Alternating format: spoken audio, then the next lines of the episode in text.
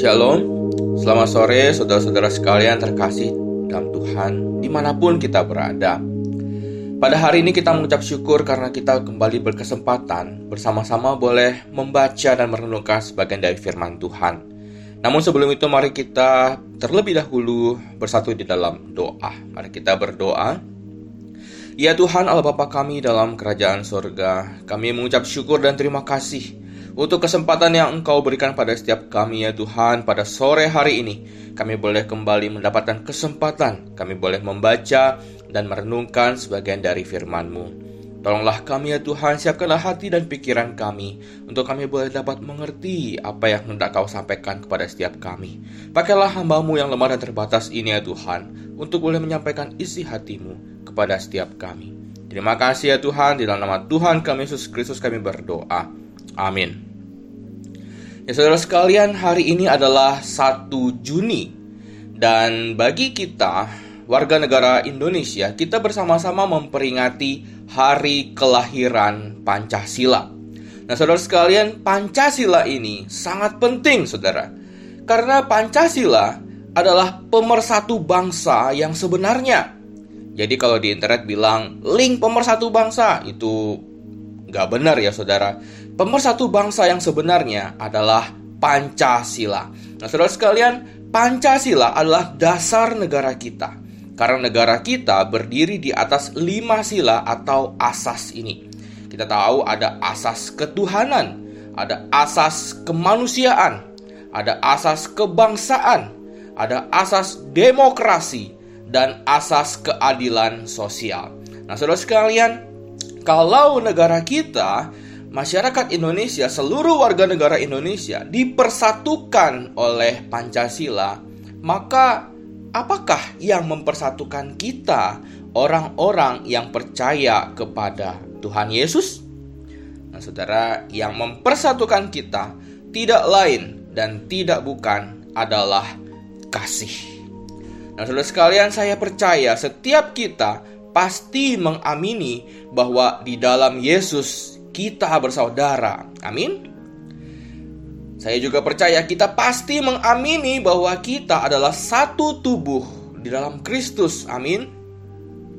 Dan saya yakin kita juga pasti mengamini bahwa sebagai saudara di dalam Yesus dan sebagai sesama anggota tubuh Kristus, maka sudah seharusnya kita ini akur dan akrab antara satu dengan yang lainnya. Amin. Nah, tetapi saudara, betapa kita melihat di sekitar kita ada saja konflik-konflik yang terjadi. Ada saja saling senggol satu dengan yang lain, saling sindir, masing-masing sibuk dengan kepentingannya sendiri. Dan hingga pada puncaknya, saudara, gereja menjadi berkubu-kubu dan bahkan terpecah-pecah. Nah, saudara sekalian, bukankah hal ini menggelisahkan hati kita dan membuat kita kembali berpikir, apa yang terjadi dengan kesatuan tubuh Kristus? Bukankah keadaan yang demikian sungguh menyedihkan bagi kita? Dan terlebih lagi, bukankah keadaan yang demikian sungguh menyedihkan hati Tuhan? Nah, saudara sekalian, kalau kita bertanya pada diri kita, Apakah kondisi seperti inikah yang Allah inginkan? Apakah jemaat yang seperti inikah yang sesuai dengan kemauan hati Tuhan? Nah, saudara sekalian, sesungguhnya Allah ingin agar setiap orang percaya mempunyai hidup yang berpadanan dengan panggilan sebagai satu tubuh Kristus yang saling membangun dan bertumbuh di dalam kasih. Saya akan membacakan bagi kita sekalian firman Tuhan di dalam surat Efesus pasal yang keempat ayat pertama hingga ayat yang keenam. Demikian bunyi firman Tuhan, LAI memberikan judul perikop kesatuan jemaat dan karunia yang berbeda-beda. Demikian bunyi firman Tuhan. Sebab itu, aku, seorang tahanan karena Tuhan menasihatkan kamu supaya hidupmu sebagai orang-orang yang telah dipanggil berpadanan dengan panggilan itu. Hendaklah kamu selalu rendah hati, lemah lembut, dan sabar. Tunjukkanlah kasihmu dengan saling membantu, dan berusahalah memelihara kesatuan roh dalam ikatan damai sejahtera, satu tubuh dan satu roh sebagaimana kamu telah dipanggil kepada satu pengharapan yang terkandung dalam panggilanmu. Satu Tuhan, satu iman, satu baptisan, satu Allah dan Bapa dari semua, Allah yang di atas semua dan melalui semua dan di dalam semua. Nah, saudara, di dalam bagian yang sudah kita baca dari surat Efesus yang ditulis oleh Rasul Paulus ini, ini bertujuan untuk menasihati dan membangun pemahaman yang benar di tengah-tengah jemaat Efesus. Di dalam tulisannya, Rasul Paulus menjelaskan mengenai apa itu kesatuan jemaat dan bahwa Yesus adalah kepala tubuh yaitu jemaat itu sendiri. Kemudian saudara kita perhatikan di dalam ayat yang pertama tadi. Di situ dikatakan supaya hidupmu sebagai orang-orang yang telah dipanggil berpadanan dengan panggilan itu. Nah, jadi saudara, Paulus menegaskan kembali bahwa jemaat di Efesus adalah orang-orang yang telah dipanggil oleh Allah. Dipanggil seperti apa, saudara? Yang pertama, dipanggil untuk menerima anugerah keselamatan dari Allah, dan yang kedua, dipanggil sebagai satu tubuh dalam Kristus. Saudara sekalian, ada seorang teolog yang pernah berkata seperti ini. Sebelum kita dipanggil, kita seperti orang buta. Kita tidak dapat melihat Kristus. Kita tidak tahu bahwa kita mengalami kebangkrutan rohani, kita mengalami penyimpangan emosional, dan ketelanjangan moral. Ketika Allah memanggil kita, mata kita terbuka kepada kebenaran Injil. Nah, saudara sekalian, dari pernyataan yang disampaikan oleh seorang teolog ini, kita bisa mendapati sebuah pemahaman bahwa orang-orang yang sudah dipanggil Allah seharusnya menyadari bahwa dirinya tidak lagi berada di dalam gelap atau dalam kebutaan, melainkan orang itu bisa melihat kebenaran Injil. Nah, kebenaran Injil inilah yang seharusnya membawa orang percaya kepada sebuah kesatuan dengan anggota tubuh Kristus yang lainnya. Tetapi Rasul Paulus melihat rupa-rupanya jemaat di Efesus mereka belum sepenuhnya mengerti panggilan mereka. Mereka belum sepenuhnya mengerti untuk apa mereka ada di dunia ini. Mereka sebelum sepenuhnya mengerti untuk apa mereka menerima anugerah keselamatan dari Tuhan. Nah, Paulus melihat bahwa jemaat Efesus belum sepenuhnya hidup sebagai satu kesatuan. Mereka belum hidup berpadanan dengan panggilan itu. Mereka belum hidup sesuai dengan panggilan mereka itu. Jadi seolah-olah Paulus ingin berkata, "Hai jemaat Efesus, kalian ini telah mengenal Kristus dan kalian tuh dipanggil untuk menjadi satu kesatuan. Ayo wujudkan kesatuan itu." Kira-kira seperti itu saudara sekalian. Nah, kita lihat seruan Rasul Paulus kepada jemaat Efesus ini bukanlah seruan yang biasa-biasa saja, bukan tanpa intonasi, bukan tanpa penekanan, bukan tanpa penegasan. Kalau kita lihat saudara, seruan Rasul Paulus ini di dalam bahasa aslinya, bahasa Yunani, itu mempunyai arti bersegeralah, berusahalah dengan sungguh-sungguh. Jadi nuansanya seperti itu saudara.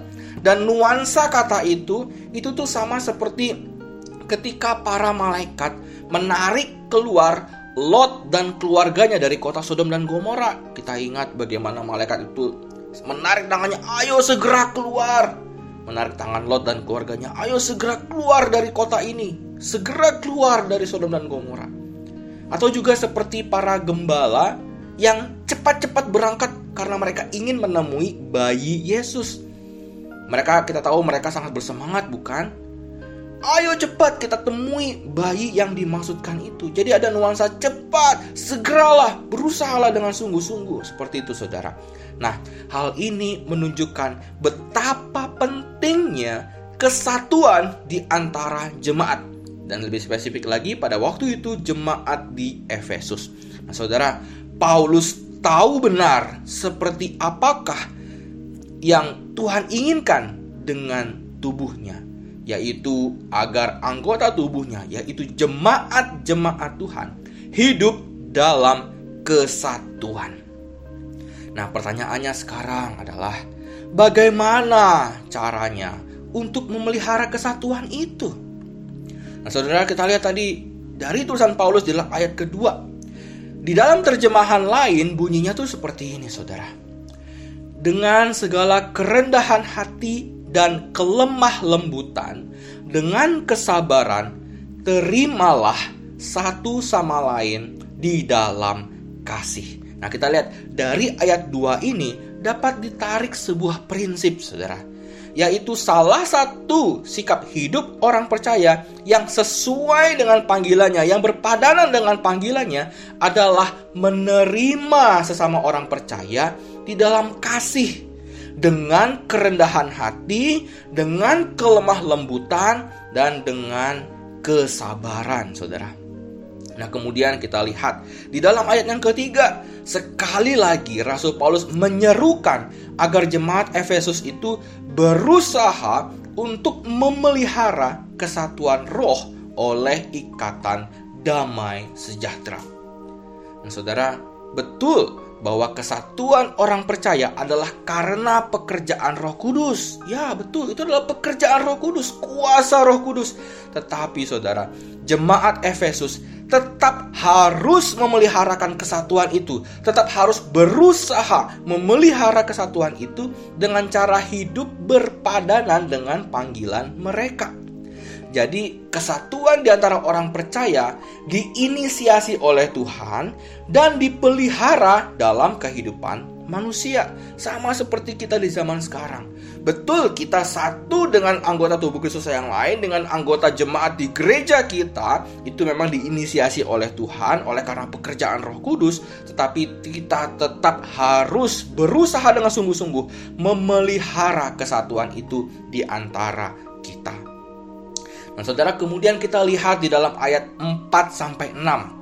Ya, yang tadi kita baca. Kita bacakan sekali lagi dari Efesus pasal 4 ayat 4 sampai 6. Rasul Paulus menulis, "Satu tubuh dan satu roh, sebagaimana kamu telah dipanggil kepada satu pengharapan yang terkandung dalam panggilanmu. Satu Tuhan, satu iman, satu baptisan, satu Allah dan Bapa dari semua." Allah yang di atas semua dan melalui semua dan di dalam semua. Nah saudara di dalam ayat ini ada sampai tujuh kali penekanan tentang kesatuan yang dituliskan oleh Rasul Paulus dan hal ini menunjukkan betapa pentingnya prinsip hidup dalam kesatuan ini. Rasul Paulus menunjukkan satu tubuh. Maksudnya bahwa masing-masing orang percaya adalah bagian yang tidak dapat dipisahkan dari gereja. Gereja adalah kumpulan orang percaya, tidak dapat dipisahkan. Dan kemudian satu roh menunjuk kepada Roh Kudus yang diam di dalam gereja, yaitu di dalam diri setiap orang percaya. Nah, selain itu saudara kita tahu tubuh tanpa roh adalah mati, bukan? Jadi, saudara, kehadiran Roh Kudus itu mutlak diperlukan dalam diri orang percaya agar gereja menjadi gereja yang hidup. Bukan kumpulan orang mati tetapi kumpulan jemaat yang hidup, Saudara. Nah, kemudian satu pengharapan yaitu pengharapan akan hidup kekal. Suatu saat nanti, Saudara, orang-orang percaya yang ada yang dulu, yang ada yang sekarang, maupun di masa yang akan datang akan memiliki kehidupan kekal bersama-sama di dalam surga. Itulah satu pengharapan yang kita miliki di dalam Tuhan Yesus. Dan kemudian satu Tuhan. itu mengacu kepada Tuhan Yesus Kristus Sang Kepala Gereja. Semua orang percaya adalah milik Tuhan, saudara. Dan kemudian satu iman merupakan satu keyakinan kepada Kristus, yaitu keyakinan kepada Sang Juru Selamat yang mendatangkan kepastian keselamatan. Dan kemudian satu baptisan, yaitu baptisan dalam nama Allah Tritunggal sebagai sebuah tanda bahwa orang percaya itu berbagian dalam persekutuan gereja Tuhan. Dan kemudian satu Allah dan Bapa dari semua. Ini menegaskan Allah yang lebih tinggi mengatasi segalanya, mengatasi semua hal yang ada di dunia ini bahkan di alam semesta ini. Nah, Saudara sekalian, di dalam ketujuh hal yang dituliskan oleh Rasul Paulus ini dapat kita tarik kesimpulan bahwa gereja adalah satu, saudara. Gereja adalah satu. Gereja tidak dapat dipisah-pisahkan atau dicerai-beraikan karena mereka memiliki kesamaan, yaitu tubuh yang sama, roh yang sama, pengharapan yang sama, Tuhan yang sama, iman yang sama, baptisan yang sama, dan Allah yang sama.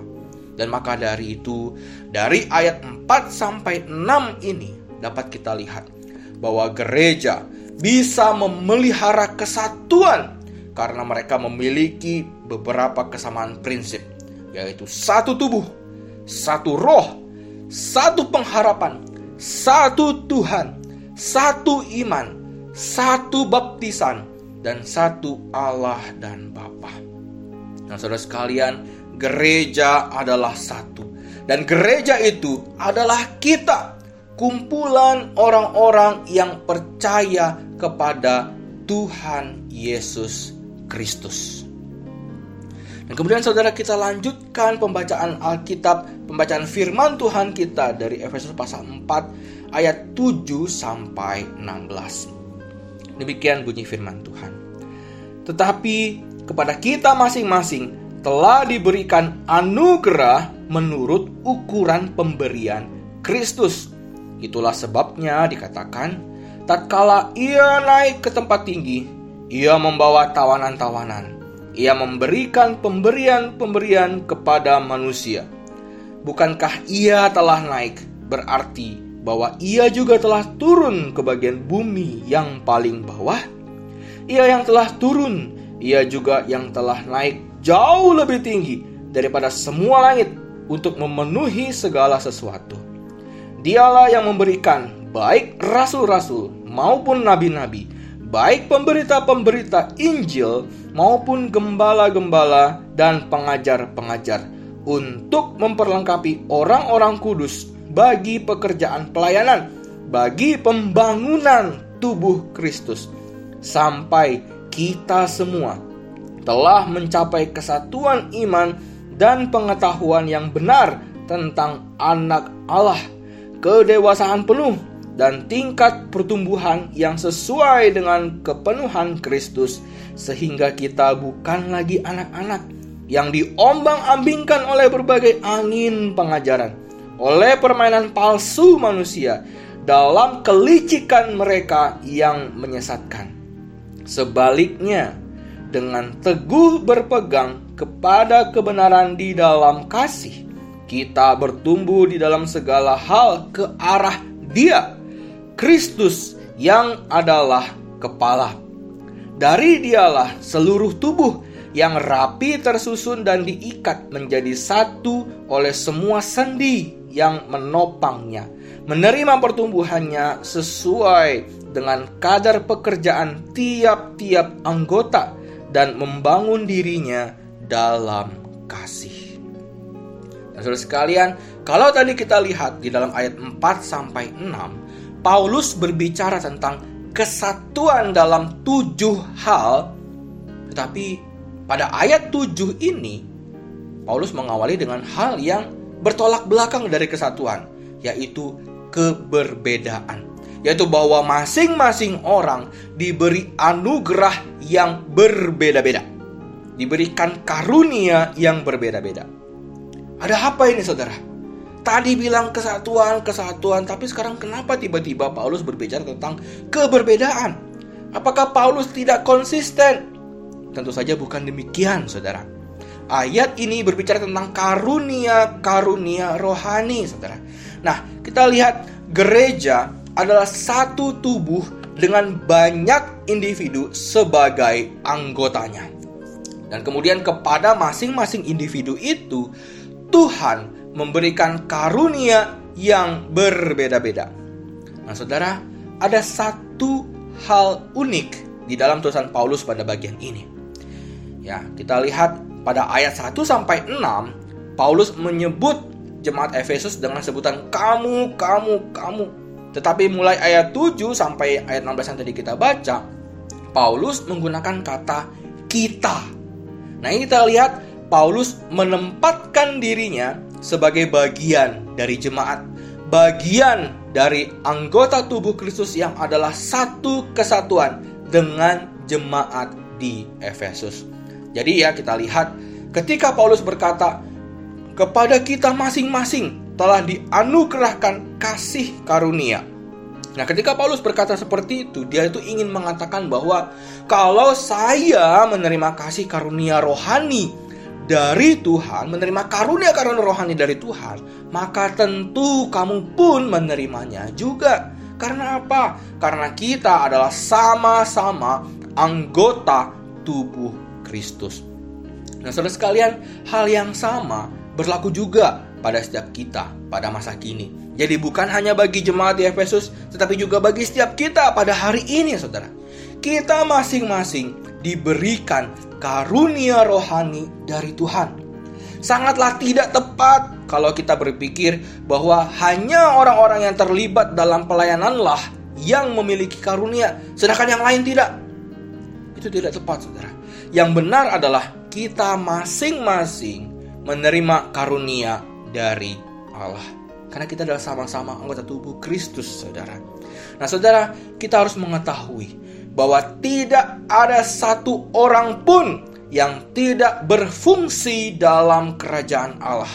Karena apa? Karena semua orang percaya telah menerima karunia-Nya masing-masing menurut ukuran pemberian Kristus untuk digunakan sesuai dengan tujuan yang ingin Allah capai. Jadi, jangan pernah kita berkata, "Ah, Aku mah apa tuh?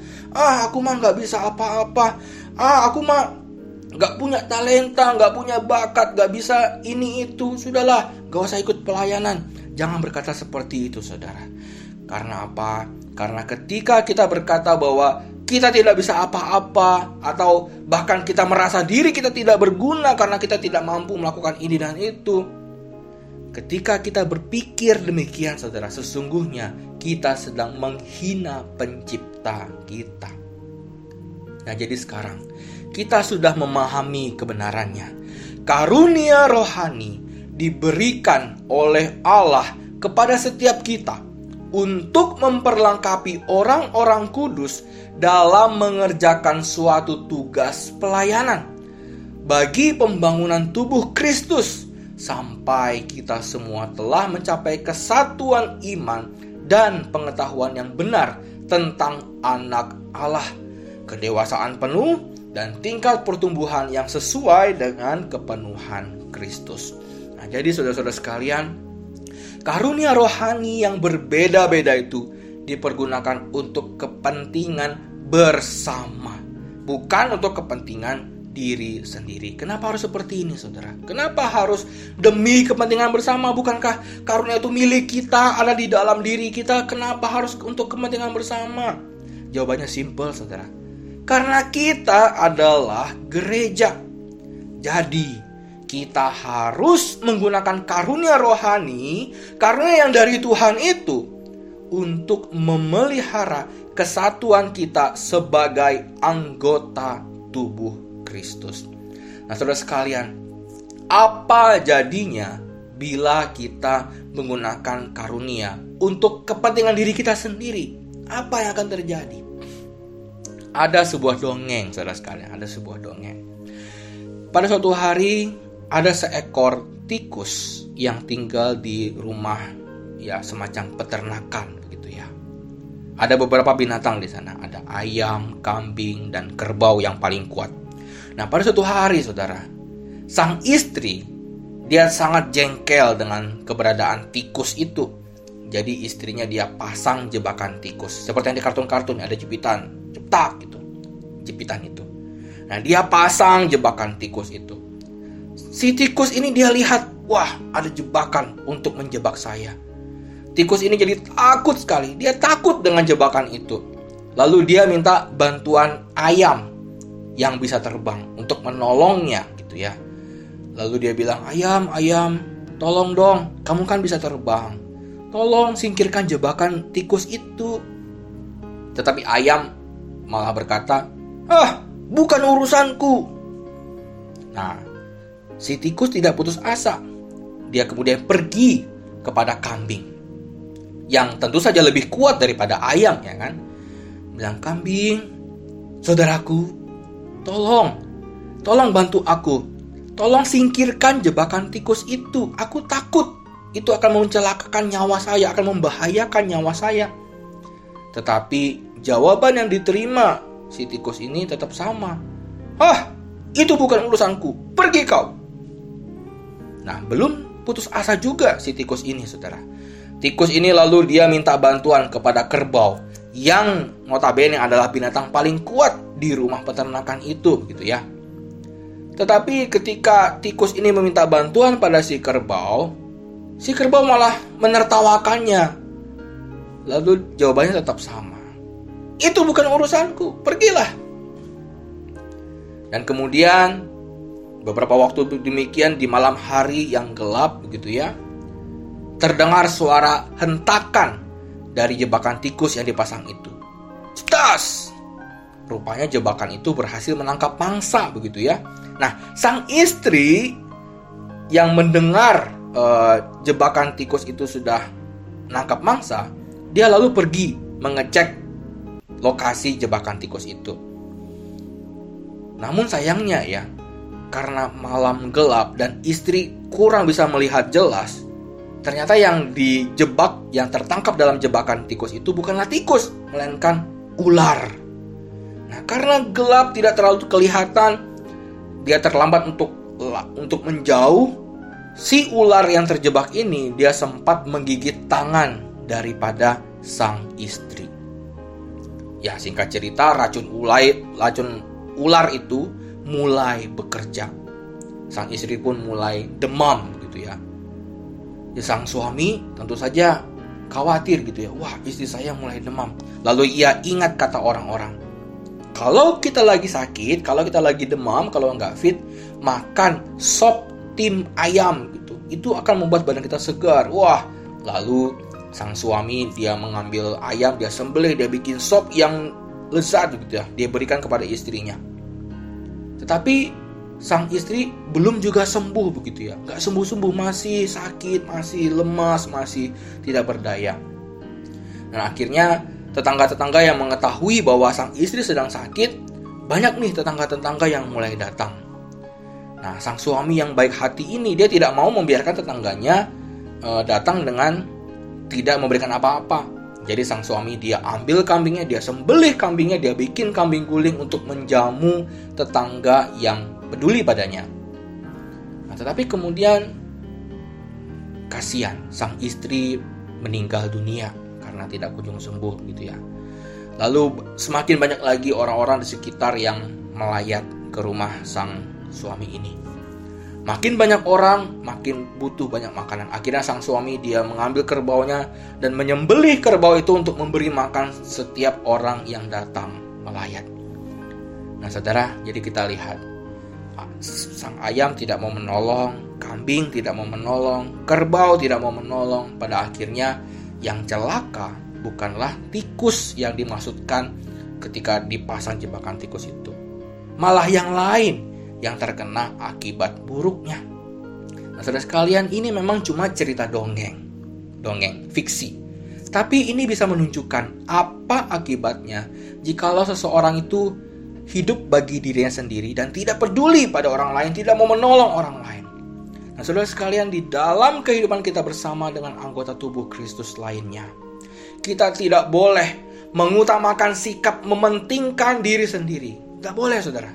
Seperti kata Paulus, kita harus menunjukkan kasih kita dalam hal saling membantu. Mungkin ketika kita menolong, membantu orang lain, mungkin itu memang bukan urusan kita. Tetapi kalau kita enggan untuk menolong orang lain, suatu saat nanti bisa jadi itu akan berakibat buruk pada kita. Karena relasi kita dengan orang lain itu tidak terjalin dengan baik begitu ya. Jadi saudara sekalian, mari kita memelihara kesatuan dengan anggota tubuh Kristus lainnya dengan cara selalu rendah hati, selalu lemah lembut dan sabar.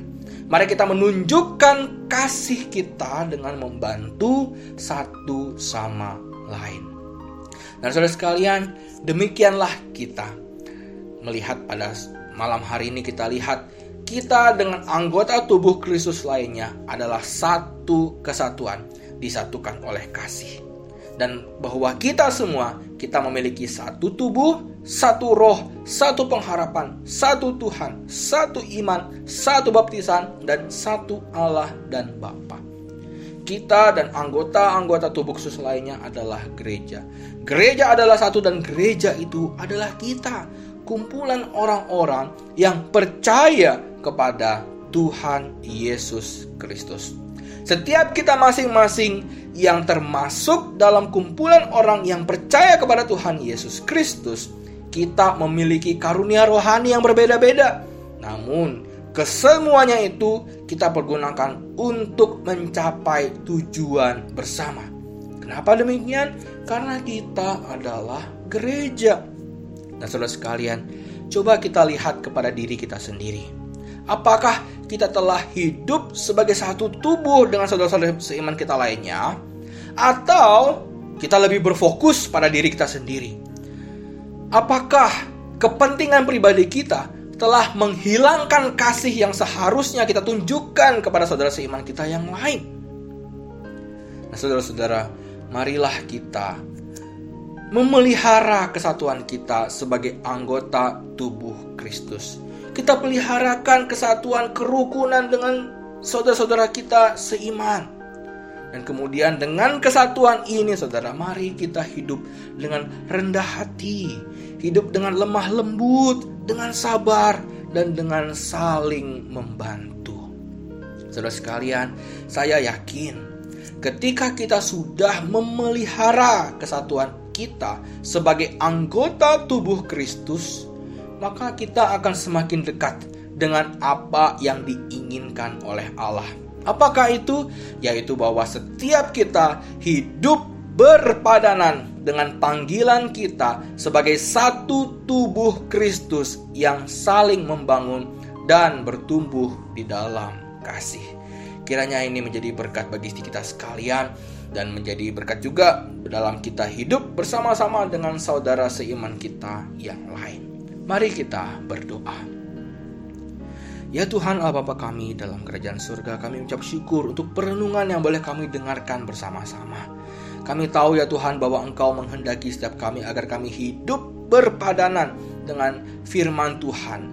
Engkau mengajarkan kasih kepada setiap kami. Engkau terlebih dulu mengasihi kami. Dan biarlah kami yang telah menerima kasih Tuhan, kami pun boleh mengasihi sesama kami.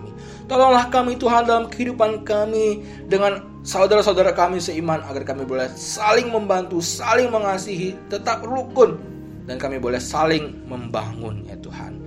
Tolonglah kami Tuhan yang telah Engkau persatukan agar kami boleh tetap hidup dalam satu kesatuan. Karena kami semua adalah orang-orang yang percaya kepada Tuhan.